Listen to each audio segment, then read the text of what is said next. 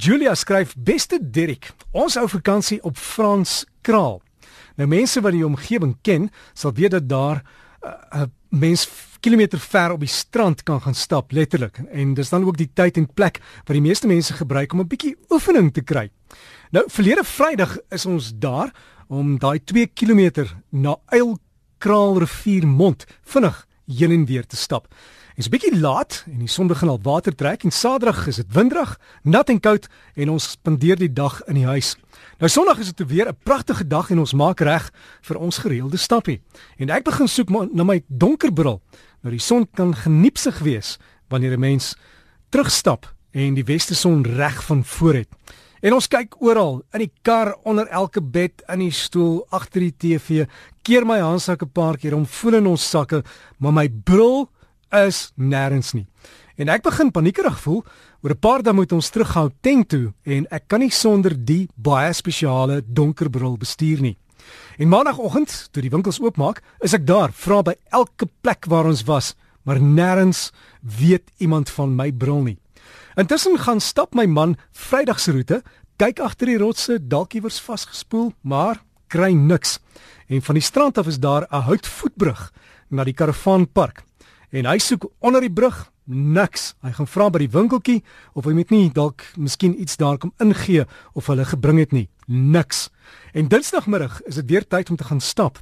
En soos dit 'n goeie hengelaar betaam, besluit my man om eers 'n paar gooie te gaan maak en ek is toe nog besig en beloof om dan 'n bietjie later by hom aan te sluit.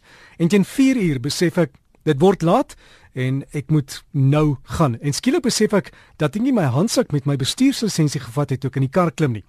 Toevallig sal hulle my nou net vandag stop en vra baas jou lisensie. So ek moet weer uitklim, weer oopsluit en 5 minute is gemors.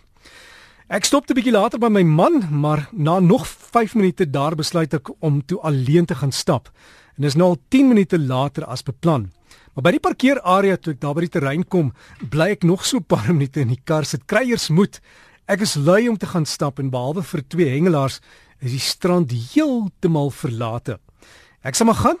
Ek het nou al die moeite gedoen om hier te kom, so ek moet gaan stap. En toe ek verby die bruggie stap, sien ek 'n ent verder 'n man en 'n vrou met hulle kleinkind skulpies optel. En ek draai toe om en kruip weer onder die brug in. Miskien het dit tog agter een van die balke ingespoel en ek soek daai duur sonbril vir my. En toe ek gebukkend en agterste voor onder die brug uitkom, kyk die man om. Nes ek gedink het, hy wonder seker wat soek die ou vroutjie daar onder die brug. En dadelik kom hy toe na my aangestap en hy vra: "Mevrou, wat soek jy onder die brug?" So half verlee antwoord ek toe: "My bril. Dit al Vrydag verloor, maar ek kan nie onthou waar ek dit laas gebruik het nie. Nou kyk ek maar oral, al is dit 4 dae later." Hy sit toe sy hand op my skouer en sê: "Mevrou, ek het jou bril. Jy het dit al Vrydag hier opgetel en gesien dis 'n baie spesiale bril. Ek het geweet dat iemand dit sal kom soek, anders sou ek 'n nota by die winkel gaan opplak." En terwyl hy die kind toe stuur om die bril in die karavaan te gaan haal by die karavaanpark, vertel hy dat hulle eintlik nog nooit in die middag gestap het nie en vandag is die eerste keer. En toe ek nou my bril terug en opsit, kom daar so sout liggie wat so 'n bietjie van 'n waterigheid in my oë gebring het. En met die terugstap wonder ek oor die 15 minute wat ek toe gemors het voor ek gaan stap het. Waarom het die man omgekyk net toe ek onder die brug uitkruip? Is asof die tyd en plek gesinkroniseer was. Is dit toeval? Ek glo nie. Toevallig? Ek weet nie. Is dit beskikking? Ek wonder. Ek wil tog vir dokter Willem Botha enig wat die uh, eh, VAT doen vra wanneer is dit toevallig en ek sal hom toevallig eendag raakloop en hom vra of hierdie woord bestaansreg het. En sy sê hier groete van huis tot huis. Julia Botma, Frans Kraal.